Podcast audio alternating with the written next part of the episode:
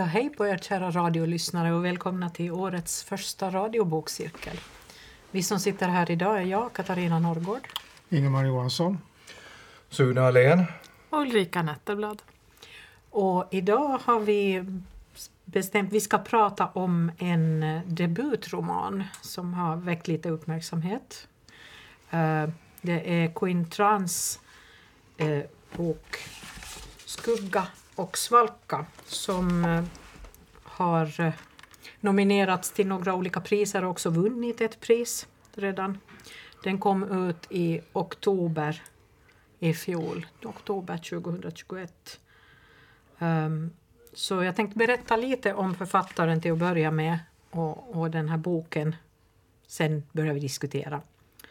Quinn Tran är alltså uh, finlandssvensk Eh, men han är född i ett flyktingläger i Malaysia 1989 och har växt upp i Jakobstad. Eh, och numera är han bosatt i Malmö. Han har också bott i Lund några år. Han är litteraturvetare och psykolog. Och den här Skugga och svalka är alltså hans debutroman. Och den hann bara komma ut egentligen så fick den svenska Yles litteraturpris. Eh, och efter det har den, då blivit, den har blivit nominerad till Runebergspriset 2022, så vi får väl se vad som händer där. Och den är också nominerad till Katapultpriset 2022 som är Sveriges författarförbunds eh, pris för bästa skönlitterära debut. Eh, han har gått eh, författarskola i Biskops-Arne i Sverige. Och han kommer till Mariehamns litteraturdagar i mars. Eh, och den här boken, Skugga och svalka, eh, så kan man kanske... Jag vet, det är lite svårt att beskriva den, men den är en barndomsskildring, kanske. Eh, den är ganska poetisk, skulle jag säga. Uh, den är... En, man kunde tänka sig att den är lite självbiografisk, men det säger han själv att egentligen är den inte. Han har bara tagit lite från sina egna sitt, sina egna erfarenheter. Um, ja. Jag tror att vi egentligen kanske börjar vår diskussion istället för att fundera så mycket mer på vad det exakt är för en typ av bok det här. Uh, så, tycker han skriver väldigt vackert. Han är en god stilist. Mm. Ja. Mm. Jag håller med. Jag tycker det är ett väldigt vackert språk. Sen är den ju det är både att den är poetiskt skriven, det finns nästan som en, en mystik eller en drömskhet ska jag säga ibland i scenerna. Sen är den ju mm, fragmentarisk, det är väldigt tydliga kapitel som är som enheter och de är ju... Små noveller? Ja, nästan så. Små noveller eller ögonblicksbilder. Sen har mm. de ju liksom en sammankoppling men det är inte tydligt att det här är en bok, den handlar om det här.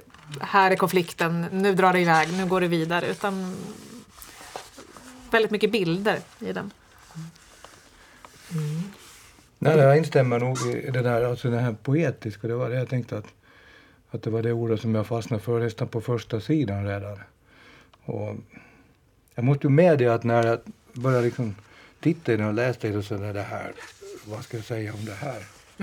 Alltså det är ärligt och uppriktigt så är det inte den här typen av litteratur som jag har, har läst så att säga. Men man kommer in i den och så blir man på något sätt fängslad och fast. För det är just det här språket då som, som jag tyckte var så där tilltalande. Och jag kan ju rämma till med det där som jag tänkte att man kan ta som en sån här slutkläm sen, men vi kan ju börja med det. för, för jag börjar fundera, var, varför heter den skugga och svalka? Liksom? Det måste ju finnas någonting i det här. Och jag förmodar att det är den här huvudpersonens eh, han är en skugga. Men det, det, det, kan vi analysera längre fram och det är ni bättre på. Men det, ganska i slutet där i boken så kommer, som jag tycker ska vara en väldigt bra titel, men nu är ju titeln färdig, tänker jag ändra på den och det går inte heller. Så bilden i en film, mm. som när den där sista delen när hon fotograferar de där hästarna, alltså får hon det där rådet Ma. Att eh, du ska se det som bilden i en film.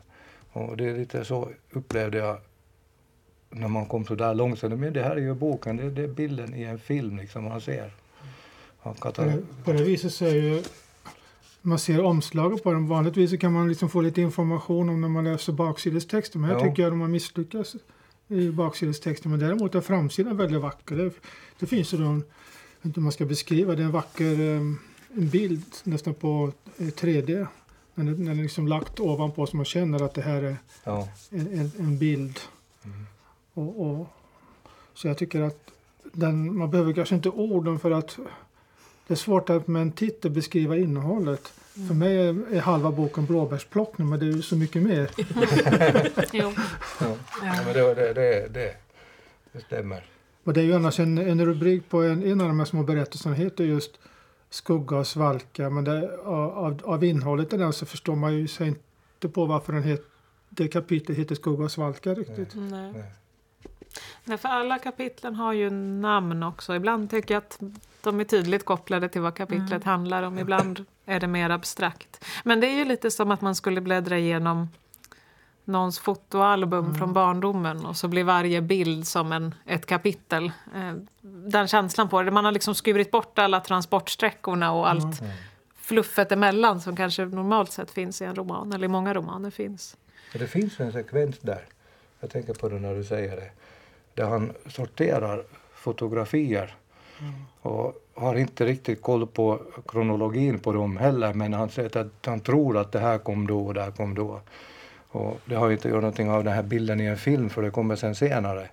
Men det där var, det var, tycker jag var intressant iakttagelse att det, det är lite så att jaha, nu har jag tagit upp den här sidan och då händer det. Och då får jag de här associationerna, de här dofterna och alltihopa som han då relaterar till där. Och det är lite lösryckt överhuvudtaget. Just, jag tänkte på det där också som du sa Ulrika om, om det här eh, kapitel, namnen på kapitlen. Att ibland är det väldigt uppenbart varför de heter som de heter. Och ibland så kommer det där som hör ihop med namnet på kapitlet först i nästa kapitel. Att det börjar liksom, nästa kapitel börjar med jaha, det var därför det hette så. Eh, han, han har nog lite eh, intressant stil med det där faktiskt. Och just det här stilgreppet att det är som, som ni säger, det är så här bild, ögonblicksbilder nästan. Men jag tänker mig också att han har gått en författarskola. Jag tycker att vi har läst flera böcker där skribenterna går till författarskola och de har ungefär samma upplägg. Man liksom hör vad det som handledaren har sagt, hur de ska skriva och så. Jaha. Det liksom blir som små noveller så är de lagda på ett snöre som en, Mm. på en tråd. Och, och de behöver inte med nödvändighet ha en, ehm, ha, ha en kurva utan det, han skriver också på något ställe här eh, om någonting i boken. Det var en tillvaro helt utan dramatik. Och det tycker jag liksom var en nyckelmening för mig när jag läste det. Ja. Fast varje, varje, varje situation kan ju vara dramatisk men själva romanen har ingen dramatisk kurva. Precis. Nej, för jag upplever, det finns ofta, i, eller i, i vissa scener så finns det liksom em, mellan raderna och underliggande finns det ju spänningar. Em, och det finns också saker som är spännande även i det lilla. De är ju en familj, det är mamman och så är det storebrodern och så är det lillebrodern som är, som är iakttagare mycket. Eh, och då dyker det ofta upp saker som, som jag i början av boken tänker att ja, men det blir det här det ska handla om sen. De här spänningarna, mamman och bröderna och så. Sen så tonas det liksom ner och glider över i något annat. Det är liksom, alltså i positiv mening, amoraliskt. Det finns liksom ingen riktig moral i boken. Men det är också, för det tänkte jag på, att den här berättaren, man brukar tala om, om sådana här opålitliga berättare. Jag skulle inte säga att han här är opålitlig, men han är ett barn. Och han ser liksom omvärlden och sina medmänniskor, sin familj med ett barns ögon och det han inte vet, det får inte vi heller riktigt veta. Vi kan möjligen ana det ibland genom det han berättar så kan man gissa sig till vissa saker. Men han vet inte, så vi vet inte heller Men det var riktigt ju rätt säkert. skojigt när han... Eh, vi berättar inte så mycket om handlingen egentligen men för mig är det halva boken handlar om att de ska plocka blåbär. Mm. Oli, olika varianter. Det kanske stämmer inte riktigt men det liksom sätter sig i mitt huvud. Och den här lilla pojken och han, eh, man går i lågstadiet tror jag. Mm. Som är iakttagaren som du säger då. Han blir lämnad hos någon släkting för att han är för liten för att följa med ut i skogen. Och sen fortsätter berättelsen ute i skogen. Ja. Mm. Och det, jo. Man, man, man, jo, han, han redogör efter och i efterhand liksom. Ja. Men han vet ju egentligen inte riktigt vad som har hänt. Den där leoparden, mm, ja. Jag tycker, lite, jag tycker det är rörande lite rart. Jo. Ja, då leoparden får en viss förklaring tycker jag. För jag- stannar upp vid den och tänker jag att har hon här, var det äh, mostern va? Ja. Det är hon som ser den där leoparden och, Jo. och tänker men nu har det liksom blivit något här, nu lever hon i någon, Jo. någon tid som, ja kanske därifrån de kom eller något liknande men jag vet inte finns det några leoparder där heller möjligen men, men, men sen börjar han beskriva det här lodjuret. Ja. Och det hade han ju förmodligen heller inte sett någonting. Tofsarna Ja, då, ja, då, då blir det plötsligt... Och, nej men det, där- det, det, det där reagerar jag på precis som Ingemar här också. Att, att hur kan han ha så där otroligt bra koll på känslor, reaktioner, till och med relationer i blåbärsskogen Mm. när han inte var där. Nej. Så det blir så att säga en... en men no, Mm. det är kanske något av de där fotografierna som väcker den där fantasin. För han, det upplevde jag när han liksom upp, ett par, tre tillfällen jag, och jag blev lämnad. Mm. Så då, då, då har liksom en liten tråd där, upplevde jag det. Mm. Att han kände sig som den där lilla outsidern, den där som var på sidan om men också till och med bokstavligen blev lämnad då. Ja. Mm. För blåbärsskogen blir ju ett stort tema i den här liksom, utan att det ska bli något mycket blåbär av det men ändå. Så, nej men det är en... Ja. Sen är det, om jag bara jag kan inte prata något längre på det sättet men, men när man är så traditionell bokläsare som jag och inte har läst en sån här bok egentligen tidigare. Och då ställer sig så ganska såna här frågor med en gång då. Ja men, när hände det här? Alltså det, det finns inte någon beskrivning liksom alls på överhuvudtaget och det är inte meningen heller tror jag. Men de, de handlar ju fortfarande med mark. Ja, ja, ja. Jo, det, det, kommer man, det där ser man att man, då går man tillbaka liksom för 2001 eller något sånt då, 2002. Men det dyker upp lite och det här tycker jag är så spännande att man får själv börja tänka. För det, det nämns ju ändå nu, kommer det in på det som jag är lite intresserad av. För han ser ju den där, att till och med personen som står där någonstans var de nu är, som Jari Littmanen. Mm. Och ja, då, då, den där var han då. Det är ju inte den åldrande Jari Littmanen liksom i dagens läge utan det är fotbollsidolen eftersom han själv spelar fotboll. Och då börjar jag koppla, men det här måste ju vara ja, 1997, 98, 99 liksom. Och jag, ja men okej. Författaren är född 89. Littmanen var på topp i slutet av 98, 99. Han är 8, 9, 10 år liksom när han Mm. skriver detta.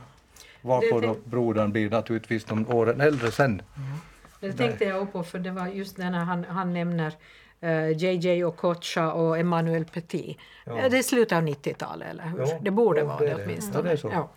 Fast det var ju Fifa 2000 sen som då spelade spelet. Så då vet man, då har man ganska bra tidsmark. Det är precis det här, är- den, den Fifa inte på. 2000. Ja, det, var det, jag blir detektiv. Mm. Men före det så satt jag åtminstone och tänkte, jaha, de hyr ut videokassetter. Mm. Och det var ju också en sån här intressant detalj i de här filmerna som, som den här mamman fick tag på. Som, som hon hyrde ut till, till sina landsmän i Jakobstad. Det finns då alltså i Jakobstad ganska mycket vietnamesiska flyktingar. Ja, då, ja, ja. En hel koloni får man väl säga som har liksom bosatt sig i Jakobstad. Och, och det här. Eh, och de ty, tydligen då, åtminstone enligt den här boken, och jag kan tänka mig att det, det har verklighetsbakgrund, eh, så var de väldigt svältfödda just den här tiden på, på, på asiatiska filmer. Och det, ja, det förstår jag, det, det fanns antagligen inte att få tag på i Jakobstad. Och då hade mamma fått tag på en hel hop med, med japanska filmer som var dubbade till vietnamesiska. Och hon, hyrde, hon skaffade dem och hyrde ut dem till, till sina landsmän och tjänade en hel del pengar på det. Sen for ju pengarna då där och det blev bråk i familjen. Men, men, men det där, intressanta med att det, liksom, det var japanska filmer, det var inte vietnamesiska filmer. Man tycker att de skulle kunna få tag på sådana men de var kanske inte tillräckligt intressanta. Och de räknar med att japanska filmer, det var tillräckligt nära för att det skulle fungera. Det var väl liksom lite för besvärligt kanske att sköta logistiken. Mm, förmodligen. Skriva till släktingarna i Vietnam och Ja, skicka en Precis. kasse med filmer och, och sen driva in ja. hyran.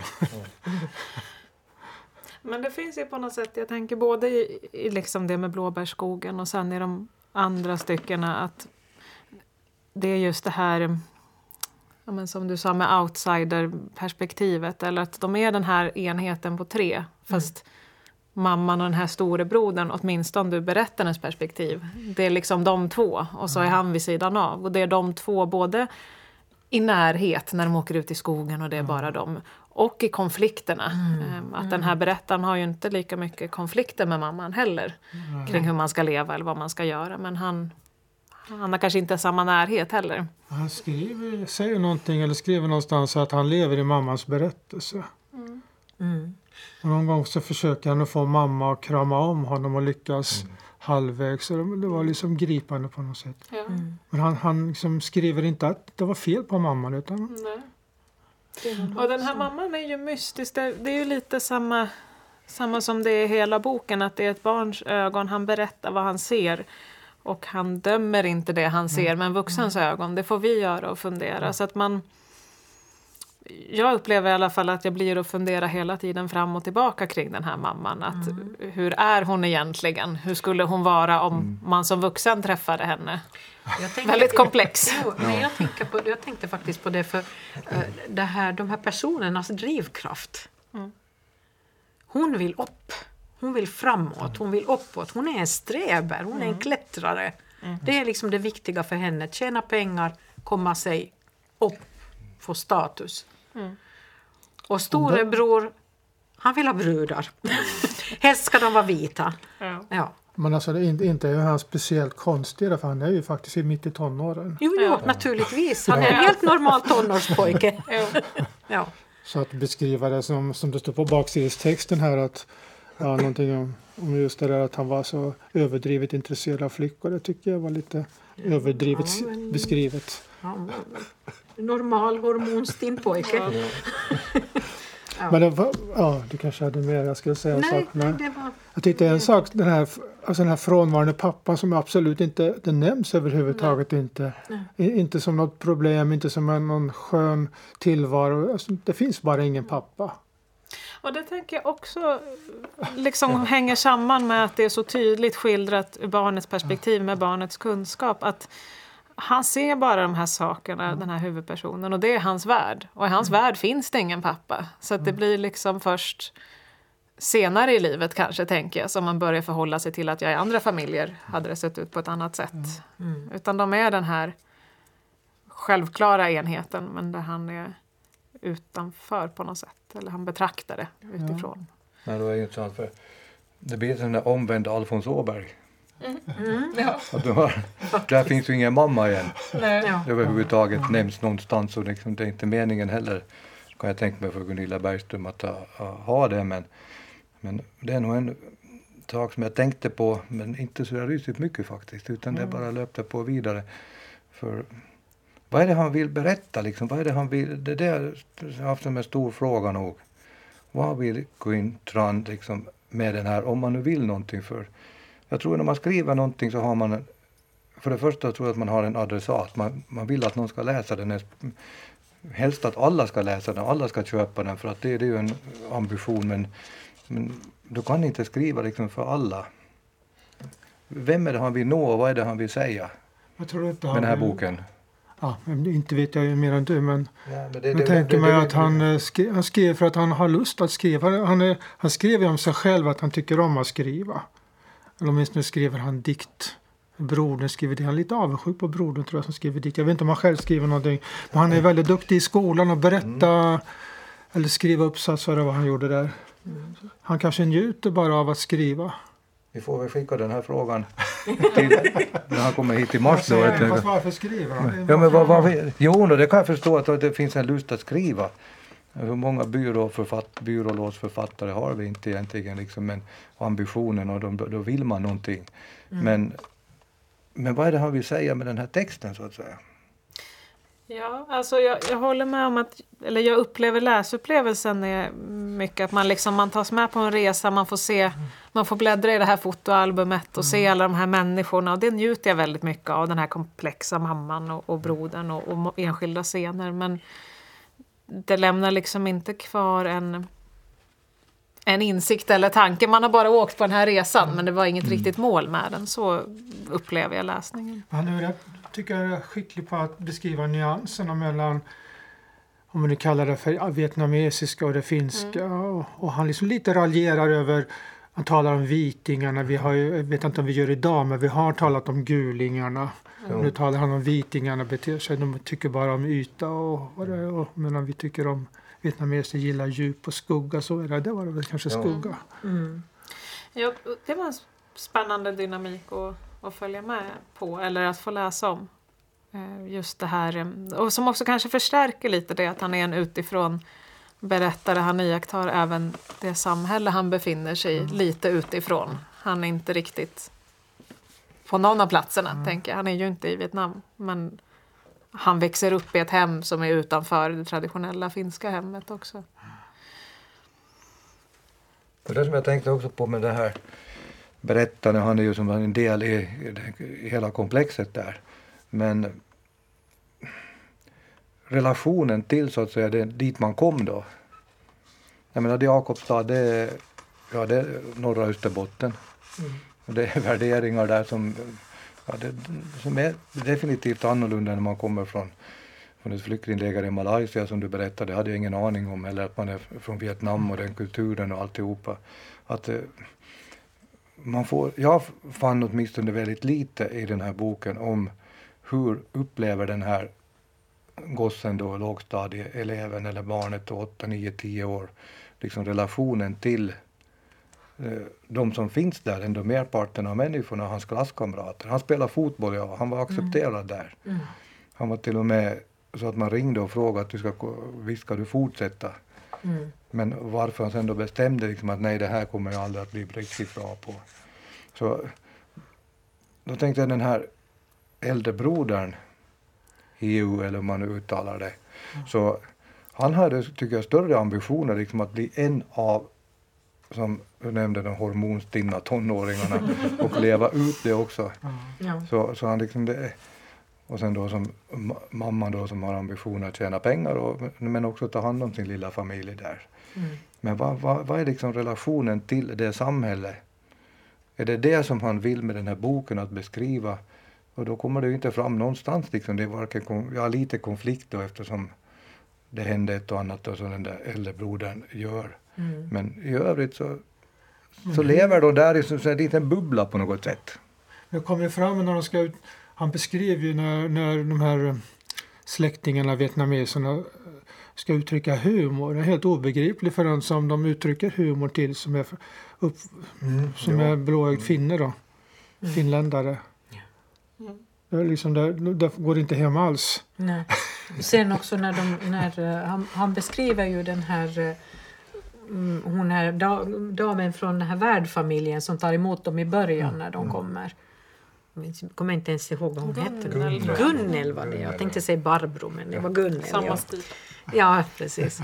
Men att hon är lite lustig och, och de uppfattar henne som lite konstig nog egentligen. Att hon är lite, hon är lite för mycket. Mm. Och de är inte vana med det där kramande och, och, och oj vad roligt och så här. Och de, de drar sig undan lite och tycker att ja, inte kan man väl göra så där. Så mm. lite, lite såna här, men jag tror för, för, för honom åtminstone, han är så pass ung så han, han, han uppfattar inte det där kanske så mycket tror jag som de äldre gör. Nej, kan, ja. Att eh, det är ju ofta så med barn att de, de smälter på något vis lättare in. De accepterar nya, nya omgivningar och nya förhållanden på ett lättare sätt än om man har hunnit bli lite äldre och lite mer bestämd i sina åsikter. Jag tänkte Det finns ju mycket, kanske någon har något bättre att läsa. Har du något in, intro där kanske Sofia, mitt, eh, mitt i boken? Jag hade egentligen en, den här när, när de går på bio. Och, och det här, det är ju mycket, det talas mycket om film och det talas väldigt mycket om fotografering i den här boken. Så det är sånt här tema. Men eh, då har, har det här storebror Hugh, det här är svårt, Hugh säger jag att han heter nu. Han har bestämt sig för att, att eh, han skulle vilja gå på bio. För det kommer, har kommit en kärleksfilm från Hongkong. Och det här måste nog ha varit något väldigt ovanligt i Jakobstad i alla fall kan jag säga med en biograf. Eh, och så här beskriver han det här nu då, för då ska han ju gå med. Den här lille, lillebrodern också. Eh, Hugh hade väntat till dagen för den sista visningen, eftermiddagsvisning, halva priset. Ma hade aldrig varit på bio, inte sen vi kom hit. Det var väder för stranden, ljust och svalt, vi gick i tunna kläder. När vi kom fram hade de andra biografbesökarna redan gått in och tagit sina platser i salongen. Det var nästan fullsatt. Uppknäppningar, chokladplattor, pistagenötter, prassel. Hugh uttalade filmens namn. Han hade pratat om den i veckor. Någon blir kär i någon, två olika par flyttar in samtidigt och blir grannar.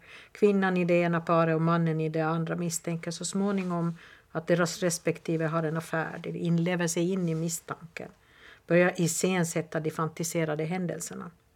Under reklamen smög Ma ut, hukande i mörkret. Hon kom tillbaka med en stor flaska lemonad, chips och popcorn. Och sen beskriver han då vidare ganska så här eh, osammanhängande och ganska svårbegripligt men han är ju ett barn. Han kanske inte förstår riktigt alla de här intrikata delarna av, av den här filmen. Eh, men sen beskriver han då mot slutet av filmen och sa Ma reste sig och gick ut igen utan vidare. Alla satt kvar under eftertexterna. Ljuset tändes och vi hamnade mitt i strömmen mot utgången. De andra biografbesökarna pratade ivrigt om filmen och annat. De pratade på om allting samtidigt som de tittade framåt på sina gestikulerande händer. Det såg lustigt ut hur de fäktade samtidigt som de pratade. Och det här tänker jag på det liksom att, att eh, den här storebrodern då har släpat med familjen på en film som han tycker oj det ska bli så roligt. Mamma uppskattar den inte alls. Mm. Och lillebror förstår ingenting. Och vem ska han diskutera den här filmen med? Jag tycker det, det, är, liksom, det är så väldigt tydligt hur det här barnets ögon... Han, han kan inte förstå den här filmen. Det, det här är inte ett, en barnfilm. Kanske det är svaret på Sunes fråga. Ja. Han vill, han vill ställa en fråga till oss. Mm. Va, jag, jag, förstår inte det här livet, kan ni hjälpa mig? Ja. ja. ja. för det går ju ändå igenom i hela romanen, tänker jag. Just den här mamman och storebrodern och deras relation som mm. man får känslan mellan raderna att mm. den är komplicerad. Um, intensiv kärlek och intensiva konflikter och man vill olika saker i det här samhället man har kommit till givet mm. också vad man har för bakgrund och vilken ålder man är i och så. Men att den är svår att förstå. Det blir nästan som när ett barn eh, lever i en familj där föräldrarna har ett komplicerat äktenskap. Mm. Att man hela tiden pejlar av och läser mm. mellan raderna och tittar och beundrar och förstår inte riktigt. Men här är det en annan treenighet. Eh, jag var väldigt svag för de här scenerna eh, med den första flickvännen kring den här store brodern och mm. just jag tyckte det var eh, väldigt snyggt skildrat, eller elegant skrivet hur det är att vara småsyskon som iakttar att det större mm. syskonet har någon och man är liksom tredje hjulet. Jag hade en scen jag mm. eh, tänkte läsa eh, om det eh, i ett kapitel som heter Dagarna med Laura, för det heter den här första flickvännen. Vissa fredagar hade Ma redan hunnit gå till jobbet när jag kom hem från skolan. En dörr på glänt, städat sminkbord, blank diskho, putsade speglar. Hon hade gått utan ett ord. Hon anförtrodde mig åt dem. Man hade kunnat sammanfatta det så. Ma anförtrodde mig åt Laura och Hugh. Dagarna med Laura och Hugh, vid köksbordet, i varandras armar, väntande på tevattnet. Lauras sätt att titta upp i taket medan hon pratade. Hugh upprepade delar av hennes meningar, sa ja, sa nej, sa kanske, skrattade försiktigt i hennes öra. Ibland när han stod med ryggen mot, diskade, fyllde tekannan med nykokt vatten kunde Laura närma sig honom långsamt, nästan smygande och låta armarna mjukt sluta sig kring hans midja. Hennes nyckelben mot hans skulderblad, hennes knutna armar hängande framför honom. De stod helt stilla, blundande som något slags förberedelse. Och så, utdraget, mycket långsamt, i det närmaste orörligt sänkte hon sitt ansikte i hans nacke som i ett vattenfyllt handfat. Laura, det gick inte att samla sig. Och jag tänker att alla som har varit eh, tillsammans med ett par som är förälskade och varit tredje hjulet mm. kan känna igen, de är helt absorberade mm. av varandra och så står man bredvid och bara ser det här. Men här är det liksom kryddan att, att han är småsyskonet också så han blir ju nästan lika hänförd av den här tjejen som brorsan mm. blir. För han ser att brorsan är så fascinerad. Mm. Jag tyckte det var ja, det väldigt vackert skrivet. Hade du någonting Sune? Ja, alltså jag, jag måste medge att jag inte var riktigt medveten om att det kanske ingår i vår, det här upplägget på det här att det har med... Jo, jag har ett, det, det som jag fastnar för. Och, yes. Jag kan ta det då.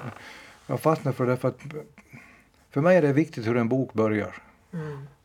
Eller, jag tror det är för alla som läser. Liksom. Att, om, om inledningen, ingressen så att säga, är tilltalande så då fortsätter det. Det är det där Höganäsgruset och alltihopa ni vet. Mm. Ja. Men jag tycker det, han, har, han har funnit det väldigt bra, författaren här inledningen. Jag tänkte, jaha, nu ska vi se, vad blir det av det här då? Så när han börjar, att i veckor hade hon, för, i veckor hade hon förvarnat mig. En morgon ska jag behöva följa med henne ut. Det enda jag skulle göra, det enda jag behövde tänka på var att se ynklig ut. Så vi övade. Gör det. Se ynklig ut. Blicken mer samlad, läpparna lösare, aldrig putande eller strama. Så. Ma började fnissa. Jag höll kvar blicken, lät den vila där tapeten mötte golvet och följde sedan golvlisten runt hörnet ut i köket. En långsam, mycket lös blick. Och, och här, här blev det ju redan, ja vad är det nu här då? Vad, vad kommer det här att bli? Precis. Är det på det här sättet det ska fortsätta nu liksom med det hela? Men sen bygger det ju upp då, det som vi har pratat om ganska mycket. Men jag tänker att den här inledningen är så om författaren hör det här eller någonting liknande kanske han tycker att det är spännande att vi har pratat om hans bok så, så en eloge faktiskt. Mm. För just inledningen, för den ledde åtminstone mig till att Jaha, nu, och så har vi det här som Ulrika sa, det här poetiska, för det här är liksom poet, någon slags poetisk text. Mm. Mm. Ja, det, mm. det, är mitt bidrag om det. Men jag har inte förberett det, utan det kom nu. Mm. mm. Ja. Ja. Jag har någonting, det är liksom lärarinnans, eller Malins harang tycker jag är kul. det som, som, som lyssnare kan rätta upp sig på om man nu är född med samma språk men om man nu är född med vietnamesiska och ska förstå det här språket så tycker jag det är rätt kul. hon vill liksom, hon snubblar på meningarna. Ja, hörni, nu har vi stannat här och vi kan väl säga så här att ja, jag vill att ni ska tänka på en sak. Det är nämligen så att man tror att man vet allt men så gör man inte det. Och en sak är att man tror en massa om djur och insekter och växter också, absolut. Men vi håller oss till djur och insekter nu. Jag vet att det är många som har husdjur hemma, hundar och katter och kaniner, papegojor, ja hamstrar. Och ibland tänker man, eller jag kan ta mig själv som exempel med vår hund. Ibland undrar jag bara, alltså vad tänker han egentligen och så vidare. kan inte hålla med. den, är, alltså, den är faktiskt underbar den där monologen. Den är och det är precis så där som man pratar när man är ivrig, när man ja. riktigt brinner för någonting så, så blir det ju så där. Men, men hon är alltså biologilärare. Undrar om den här personen finns. ja, det kan man ju fråga. Men det, är samma, det återkommer ju det här på flera ställen i den här boken. Det är ett ställe också, det är just den där samma lärarinnan eller läraren som det, det, där är, jag vet inte vilken sida för det borde jag skrivit upp eller någonting sånt. Men, men sen har också denna, som jag tycker är lite intressant gestalt här, är denna Lanpam Ja.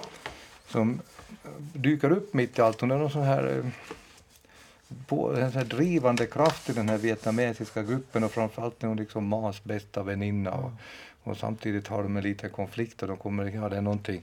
Och det finns att det här, det här ska jag nog inte läsa upp för det är så många, många sidor naturligtvis, men hon, den här La Pams harang, ett kapitel som heter. Och här blir man ju liksom, man, man kan nästan se den här människan, jag ser liksom framför mig, hon bara går på. Och hans sätt att beskriva liksom det här med punkt, punkt, punkt, punkt som vissa eh, författare tycker att det är så besvärligt att man ska hålla på med det här punkt, punkt, punkt. Liksom. Men på något sätt så leder det till att hon, hon hinner liksom inte dra andan för hon kommer till nästa och så kommer liksom mer och så tar man den ytterligare och så. Hon är så, så han är skicklig på det där. Det är min bedömning. Ja, Han är väldigt duktig på att skriva så att man får de här människorna och situationerna framför sig. Att man ser de här karaktärsdragen. Och det är ju väldigt mycket beskrivet vad folk gör och vad folk säger utan någon tolkning emellan. Det skulle ju aldrig stå sa hon jätteargt utan då ser vi det på hur repliken är skriven, en skicklig gestaltning. Men ibland är det det som också gör att det blir mystiskt men någon gång kanske nästan för mystiskt för att man undrar att vad betyder det här egentligen. Men man ser just de här enskilda scenerna väldigt tydligt tycker jag. Men det tänkte jag på, för eh, de här personbeskrivningarna så beskriver väldigt mycket vad de gör, men väldigt lite hur de är, alltså hur de ser Vi får egentligen inga beskrivningar nästan alls av hur personerna ser ut. Det tänkte jag på, för det är många, många författare tar i lite väl mycket när de beskriver sina personer. Liksom de skriver och ja, det var blåa ögon eller det är svarthårade och det är väldigt mycket så. Vi får ingenting sånt egentligen alls. Mm, Lite klädsel får man ju veta. Lite, men väldigt lite. Det är nog möjligen det är då den här väninnan, tolken Lan Pham, så där får man veta lite hur hon går klädd ibland. Och, så. och mamman Det också. var som hade svarta läderbyxor. Just precis. Jo, jo. Och sen när, när brodern kommer hembärande med en, en läderjacka som han har fått tag på för han ska vara en av de tuffa pojkarna. Så Okej. den, den får man beskriven ganska noga också. Men, jag vet inte, det är förstås... Jag tycker alltid det är roligt att läsa en bok och se hur, hur, hur, hur, hur, ser det ut i den här boken. Men jag tycker det lämnar ju rätt mycket intressant arbete åt läsaren också. mm.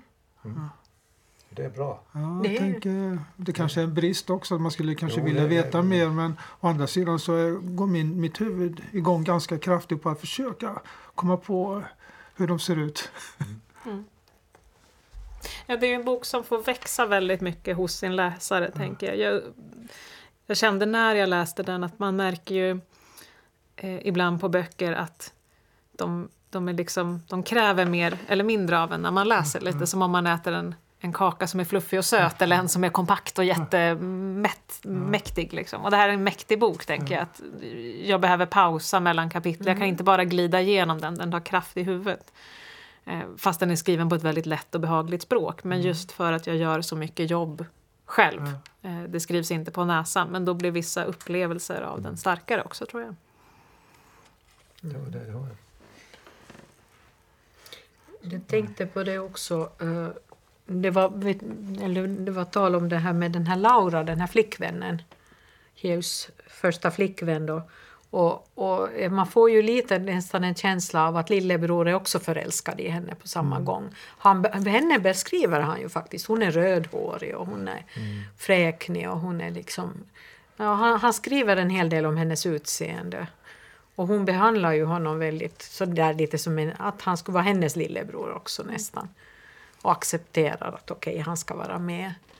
Men eh, för jag tänkte på det, för, för jag läste det här, när jag läste här sen, eh, Eh, det blir ju lite problematiskt så småningom och Heo, han, han råkar illa ut.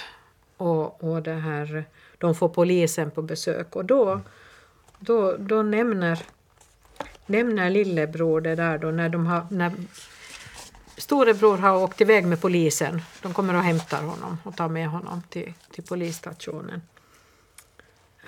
Så skriver han så här i ett kapitel som mycket passande då heter Min första längtan. På kvällen kom Ma in till mig där jag satt vid skrivbordet med historieboken. Det var ett uppslag om vikingatiden. Jag tänkte på Laura. En darrande längtan. Ma böjde sig ner över min axel, höll mig tätt i sina armar och pressade sitt kalla ansikte mot mitt. Jag tänkte på Laura. Det var min första längtan, jag förstod det. Ingenting hade kunnat hindra mig. Hade hon varit där hade jag rest mig upp och rusat mot henne. Och då hade ju i det här läget redan så hade ju Hio en ny flickvän då, och det är det som är problemet, eller visar sig vara bekymret då. Men... Men han säger senare kanske att jag tänkte på Laura. Saknade då Heo henne? Det vet jag ju då inte men jag saknade henne. Mm, Mm. precis. Men kan det vara så det att, eller på det sättet att det, var intressant det där när sa att man, hon, han fick vara med. Mm. Att här har vi någonting liksom som man då upplever att hon såg honom och han fick någon bekräftelse där. Mm. där men sen liksom den frågan att vad, vad, vad vill han liksom med den här boken? Är det att visa på att det finns liksom situationer när man får bekräftelse? Kan det vara så? Eller så är det för långt att börja analysera och, och, och hit och dit på det sättet. Men ja, som sagt, eftersom vederbörande kommer hit så får vi kanske ställa frågor. Ja. Och få svar på dem. Eller så Ja. kommer men det, det, den är så öppen den här så man oundvikligen, precis som Ulrika sa, man hamnar liksom in i att börja skapa den, den är inte så där att jaha, nu, nu vet jag det. Då går jag vidare till nästa utan då måste man liksom fundera. Mm. Och det gör också att man får nog Ja. pausa emellan. Ja. Man kan inte läsa den i en sittning, det går inte. Nej, nej, nej. nej. Ja, för det märkte jag. Jag tänkte att jag tittade på, den är ju inte den är ju liksom medellång, inte väldigt omfångsrik. Att den här plöjer jag snabbt och så märkte jag att det var inte den sortens bok. Som sagt, det finns böcker som är, som är sockerkaka och så finns det chokladtårtan och den här var mer små bitar i taget. Eh, och just i och med att den lämnar så mycket öppet så tänker jag att där blir den ju också som om man läser en dikt att för olika människor så kommer säkert, jo men det här var ju det viktigaste och starkaste temat. Så tycker någon annan helt annorlunda, att man plockar upp olika bitar. Men jag tänker också att han kanske fastnar för den här Laura just för att han, han är så utanför i den konstellationen han är. Mm. Och som du säger då att han, eh, han får vara med lite i gemenskapen när Så hon var hon där. kanske den, en av de första som kom, eller hon kom in i deras hem. Ja. Mm. Det var inte någon som Heo träffade långt bort utan hon var, Nej.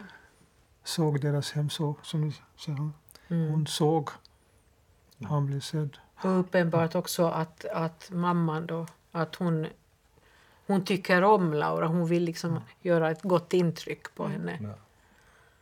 Det är sån här pinsamt för tonåringar när man tar hem en pojke eller flickvän och, och föräldrarna nästan är mera förälskade än man själv. Så tar det slut. Ja, dessutom, då blir det riktigt illa. Mm. Varför kunde du inte sköta det här lite bättre? Ja. Det var ju så bra. Mm. Men någonting har han i alla fall om en sak. Det, det råkar sig på det sättet. När jag satt och tittade på det här igår och tänkte att vad, vad, vad, vad ska nu mitt bidrag bli här? Jag läste en recension i Dagens Nyheter av om en vietnamesisk, han är flykting faktiskt. Mm. Men han är äldre, han är född 1971. Jag kanske ni har läst de här böckerna, Vietan Nguyen. Och, och det kom ut en, jag tror den hette Sympatisörerna. Och jag har inte läst dem heller så att det är inte därför liksom jag ska här, sitta här och briljera någonting. Men det råkade sig på det sättet att den där recensionen var i DN igår. Och eh, där nämndes också en novellsamling som man har gett ut som heter Flyktingar. Ah. Så någonting har den här Quinn Trando gjort med den här, i den här boken, att jag har läst den. Så att jag tror att jag på något sätt ska ta, försöka hitta den där flyktingar. För jag är lite nyfiken på... Mm. Och eftersom jag är själv från, från svensk Finland och inte från Jakobstad, men, men det kom ju alltså på... Ja, det måste ju ha varit någon där 80, som man kallar för några båtflyktingar Mm. Mm. till Finland. Då. Många var, de var vietnameser just. Mm. Gjorde sig namn också som i Finland. Och kra till exempel, en här klassisk Ja, reporter, precis. nyhetsuppläsare. Så, så det finns liksom med här lite det här och jag tror att det kan ha en betydelse när man läser den här boken Mm. På det sättet. Ja. Så tycker jag att man ska kanske man ska läsa boken till slut för att ja, det sista stycket, drömmen, tycker jag är så vacker. Mm. Han, han, han drömmer, han kan, han kan ju inte liksom styra sin dröm, Mm. tycker jag är så rörande. Ja, det, är... Mm. det var ett trevligt val, vem du sen valde det här måste jag faktiskt... Ja, men det, det var faktiskt Ja, riktigt... Det var det var faktiskt eh, råkade sig så att, att eh, jag hade bestämt mig för den här boken och sen eh, ef- efteråt så, så någon dag efteråt så meddelades det att han var nominerad till Runebergspriset för den. Och sen ännu någon dag senare så kom Mariehamns litteraturdagar med sin bokning också så att det, det var väldigt la, lagom och passligt på det sättet. Jag tyckte den här eh, beskrivningen också, det var... Jag är ju från de där trakterna. Så att Ja, jag sitter ju, jag sitter ju och kollar det här Ja. lokal... finns det en flygplats i Oravais? Nå nej! Verkligen inte. I Vasa och i Kronoby. Ja, Ja. Så den, den var jag så här, mm, okej. Men man får väl ta sig lite friheter som författare. Men, men den här beskrivningen när de tar bussen till Larsmo och, och spela, ska spela kort i några dygn.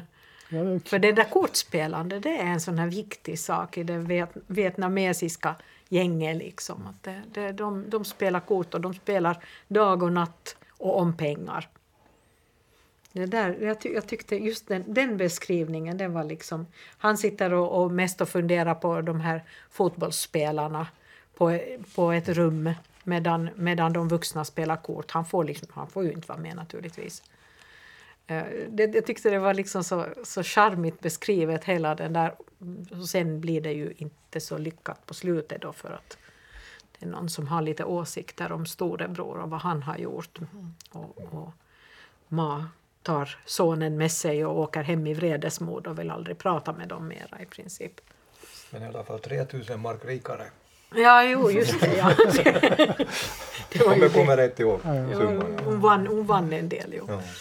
Ja. Men jag tänker att det måste vara olika upplevelser att läsa boken och, ehm, och ha så mycket kännedom om, om eh, trakterna där den Ja. utspelas och Mm. inte. För att för mig så är ju både och exotiskt. Mm. Alltså den vietnamesiska kulturen Ja. och Österbotten är, är exotiska platser. Jag minns ehm, eh, när jag var yngre och läste Monica Fagerholm som är finlandssvensk författare att jag upplevde hennes miljöer som väldigt exotiska Mm. för att det var inte rikssvenska Sverige och det finns mycket som skiljer. Att det gav ett skimmer i sig, eller liksom, kanske inte ett skimmer men det, det gjorde någonting. Att det måste vara väldigt annorlunda att läsa de böckerna och känna igen sig i platserna. Mm. Det hindrar ju lite också. Det, det är nog en liten nackdel, för just sådär att man sitter... Men det fin- finns det ju något flygfält i Orvas? Ja, i alla fall Men- blir det ju olika upplevelser. Jo, det är ju jo. roligt att läsa en utanför skildring av sin egen kultur. Ja. Men det är ju å andra sidan en behållning att få ta del av platser som inte riktigt är mina. Så att det Mm. går nog åt båda håll. Jo. Och samtidigt så var det också just, jag menar, eh, beskrivningarna när de åker till, till Larsmo då. Eller när de åker ut till Feboda tror jag det var. De var i alla fall ut till, till stranden. Så jag menar, nu har jag ju varit i de där ställena men det, det, han beskriver det på ett sånt sätt så det känns helt nytt för mig. Mm. Helt liksom det, det, det känns exotiskt, det är det som är det märkliga. Men det där, det där flygfältet, det ska vi inte prata mer om. Nej, och så är det ju förstås med den här stilen i boken. För mycket är ju ändå likt mellan skandinaviska länder. Att en del av miljöerna som de är kan jag ju fylla i med ungefärliga miljöer från min uppväxt. Men stilen gör ändå att det är som främmande landskap. För att han har en sån speciell blick på det. Jag tycker det är kul att han åker just till Larsmo för att spela kort. Jo, ja, det blir bra. det, det, det, härlig, kändes- det är så det härlig kändes kontrast lite i min föreställningsvärld i alla fall. Jo, det, det, ja, men det är klart. Varför inte? Ja. Det var lite spännande det Ulrika sa, Monica Fagerholm och att hon beskriver exotiska miljöer. Så det är ju bra. Hon, hon beskriver mina tidigare hemtrakter då i sydvästra Finland.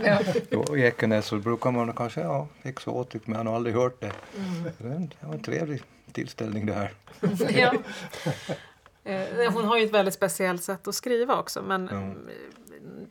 eh, jag kom liksom över hennes böcker innan jag förstod att, att hon inte var eh, svensk. För att hon skrev på svenska. Jag började läsa hon ganska ung. Och sen när jag förstod det så var det en del saker som föll på plats. Att det här var inte en del av hennes speciella skrivande. Det var bara Finland. Mm. Eh, och det finlandssvenska. Att det finns skillnader. Eh, Så. Precis. Jag Eh, tänkte ännu på, på det här med den här bilden, pärmbilden som, som Ingvar var inne på här. Eh, det handlar ju en del om fotografering därför att mamman, Ma, hon, hon börjar fotografera väldigt mycket. Och, och vad jag nu förstår, så där, fast det nu inte riktigt nödvändigtvis alltid framgår, så är hon inte så där jättebra på det i början. Det blir, liksom, det blir röda ögon på, på folk och, och det blir lite så här motljus och konstigheter och så. Men hon blir bättre på det och får till och med då ett uppdrag åt Jakobstads tidning var det väl som hon, som hon skulle fotografera åt tror jag. Det kan inte vara i Vasabladet, det måste vara i JT. Eh, men, men Det gick väl inte så bra riktigt. Ja, gjorde det det? Gjorde Man fick inte aldrig det? reda på det. Nej, det är det jag tänker. Fick vi riktigt Nej, veta det telefonsamtalet någonsin? kom aldrig liksom utan han, Nej, denna berättare då så började liksom nästan lite skylla på den här reportern då att han inte gjort sitt jobb och Ja, ja, den borde ju få veta det här nu. Så det var, nej, man fick, jag fick aldrig reda på det i alla fall. Det- fotograferade mest hästar, alltså läsarna ville se sina egna barn på Förmodligen. Ja. Ja. Men det kan jag ju säga att, att reporten finns. Det han existerar i alla fall. Men det är inte här? påhittad figur. Jo, jo. Det är en påhittad figur. Mhm. Ja, så, så det, det tyckte jag var lite Stämmer komiskt. han med, med boken? Mm. Så, eh, ja, men eh, ska vi ta och knyta ihop så vad säger vi om den här Alltså, boken? Vad, Vad tycker boken, vi? Läs boken. ja. Alltså den, eh, den blir, det är en bok som man inte läser bara halva utan den är, som du sa Ulrika så är den ju lagom format för att läsa hela. Mm. Men i mindre portioner kanske. Man behöver, behöver smälta Någon lite. slags emellan. andaktslitteratur på, skrev på nattduksbordet. Varför inte? Nej, jag tycker också att det är en, en bra bok, en väldigt imponerande debut. Och, och bra oavsett att det är en, en debut. Eh, Men att man ska läsa den när man eh, man är sugen på olika böcker vid olika tillfällen. Man ska veta att det är en bok som är väldigt vacker och njutbar men kan kräva kraft för att den ska få växa i ens huvud. Mm. Nej, jag håller med. Jag har absolut läst den. Och, kanske man inte behöver ha någon sån här intention att eh, av den här anledningen så vill jag läsa den här boken eller jag rekommenderar den just på grund av det och det. Men det pratas väldigt mycket idag med all rätt om flyktingars situation eller man kommer till en ny, ny miljö eller rivs upp från den gamla vana, vanliga. Och här kommer liksom in att det, det är ett liv man lever, man skapar ett liv med de relationer som finns där. Den här berättaren som vill bli omtyckt, han vill bli, han, han dukar och han fräser de här grönsakerna, han gör liksom allting för att bli accepterad fullt ut. Och så finns det liksom, det är vilken situation som helst i, i en familj och så. Man måste se, tycker jag, människor, flyktingar, inte som en grupp som kommer och som blir placerade där. Och det tycker jag att den här gav mig åtminstone en inblick i att ja, de lever ett liv. Mm. De spelar kort, de vinner pengar och blir förbannade. De är flamsiga, de har det är mode, det är liksom hela, allt det som vi människor har som människor. Mm. Så att det budskapet liksom fick jag. Därför skulle jag faktiskt vilja läsa den här Nguyens Flyktingar också. för Mm. Ja, vi har alltså pratat om Queen Trans, Skugga och Svalka Så, och han kommer på Mariehamns litteraturdagar i mars så att uh, gå och lyssna på honom sen då tycker jag. Uh, nästa gång i februari så kommer vi att prata om Störst av allt, Malin Persson Giolitos bok. Uh, och vi som sitter här idag och har pratat och hyra på så är jag Katarina Norrgård. Och jag Ulrika Netteblad. Och Sune Alén. Ingemar Johansson.